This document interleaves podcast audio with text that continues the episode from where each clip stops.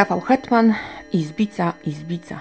W nocie wydawniczej przeczytamy, że wystarczyło 1049 dni, aby pamięć o niewielkim miasteczku pod Lublinem miała wszelkie powody ku temu, aby zostać zatartą.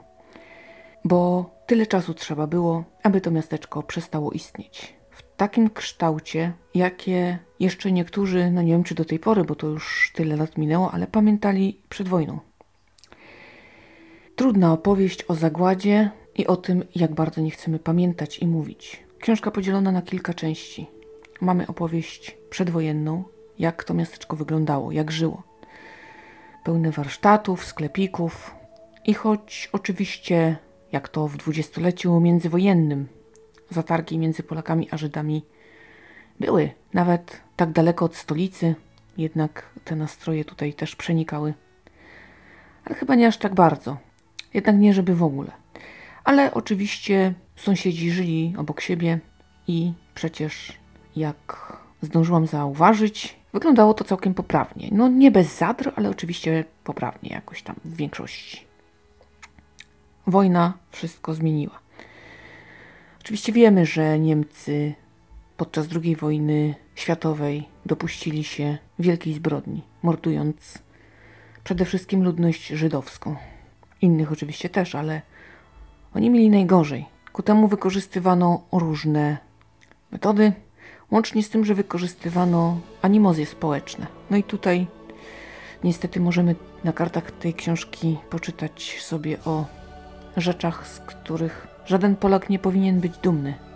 Choć nie brak też postaw wspaniałych. Byli tacy, co ratowali, a byli tacy, co donosili i grabili. Izbica była takim miejscem tranzytowym. Tam zwożono wielu, wielu Żydów z różnych stron i stamtąd wędrowali bydlęcymi pociągami na śmierć.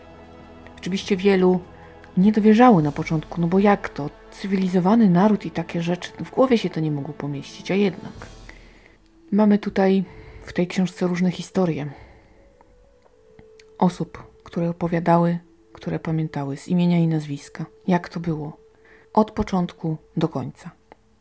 Narastający terror, wreszcie eksterminacja. A potem, gdy przyszło wrócić, okazało się po pierwsze, że nie ma do czego, a po drugie, że takie powroty to nie każdemu są na rękę.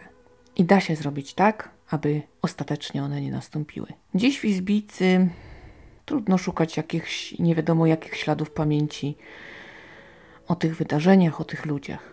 Tę zagładę w sumie przeżyło 23 osoby. Na palcach jednej ręki policzyć tych, którym udało się zostać. I to nie dotrzemy do połowy dłoni. Smutne. Pamięć jest niewielka. Naprawdę. Jakaś gablotka, miejsce pochówku, ale takie zaniedbane dość i niewielkie. Opowieści tylko szeptane, a w oficjalnym dialogu jest tego niewiele. Autor zwrócił też uwagę na taką ciekawą rzecz, o której nie wiedziałam i warto, żeby to tutaj wybrzmiało. E, narracja, jeśli chodzi o zagładę, mówi się bardzo często zagłada ludzkości, prawda? Potworność na skalę ogólnoludzką.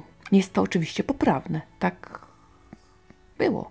Jednak zapomina się jakoś często przemilcza to, że no tak naprawdę naród żydowski był najbardziej narażony i najbardziej wystawiony na determinację wroga, aby go zniszczyć, aby przestał istnieć. Jakoś tak wymyka się to doskonałej, może nie większości, ale lwiej części narracji. Nie wiadomo dlaczego. Może po prostu.